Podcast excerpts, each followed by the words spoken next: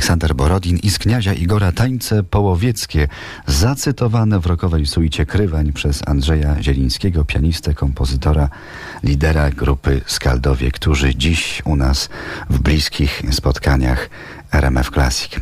Skaldowie pod dowództwem Andrzeja Zielińskiego byli mistrzami big beatowej sceny, rockowej sceny muzycznej w Polsce. Proponowali od początku muzyczne pejzaże, klimaty, bardziej złożone formy pieśni niż tylko zwrotka, refren.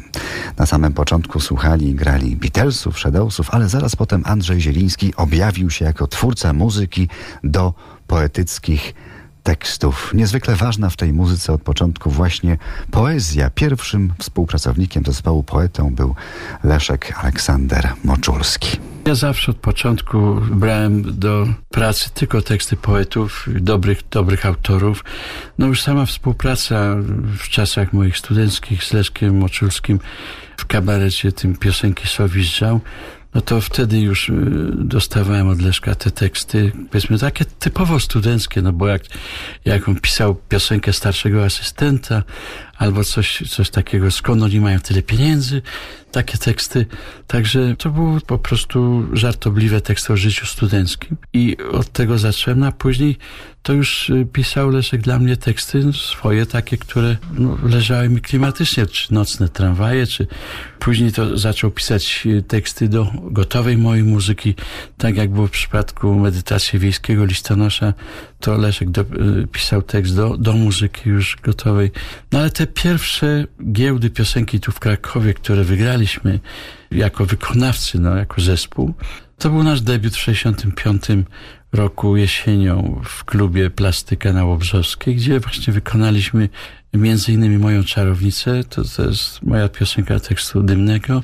Wieczorna opowieść to jest piosenka Felka Naglickiego, ówczesnego naszego basisty, do tekstu perkusisty ówczesnego Kuby Fasińskiego. No i Jarmark, też moja piosenka z, z tekstem Moczulskiego, która zajęła piąte No pierwsze zajęła moja czarownica, no bo była, ta piosenka była czymś nowym, na, jeśli chodzi o branżę, bo te piosenki ówczesne w Krakowie były takie bar, bardzo literackie, bardzo jakieś takie, jakby powiedzieć, pisane na głos z fortepianem. Natomiast tu wychodzi zespół i gra jakąś aranżację nietypową jak na tamte czasy.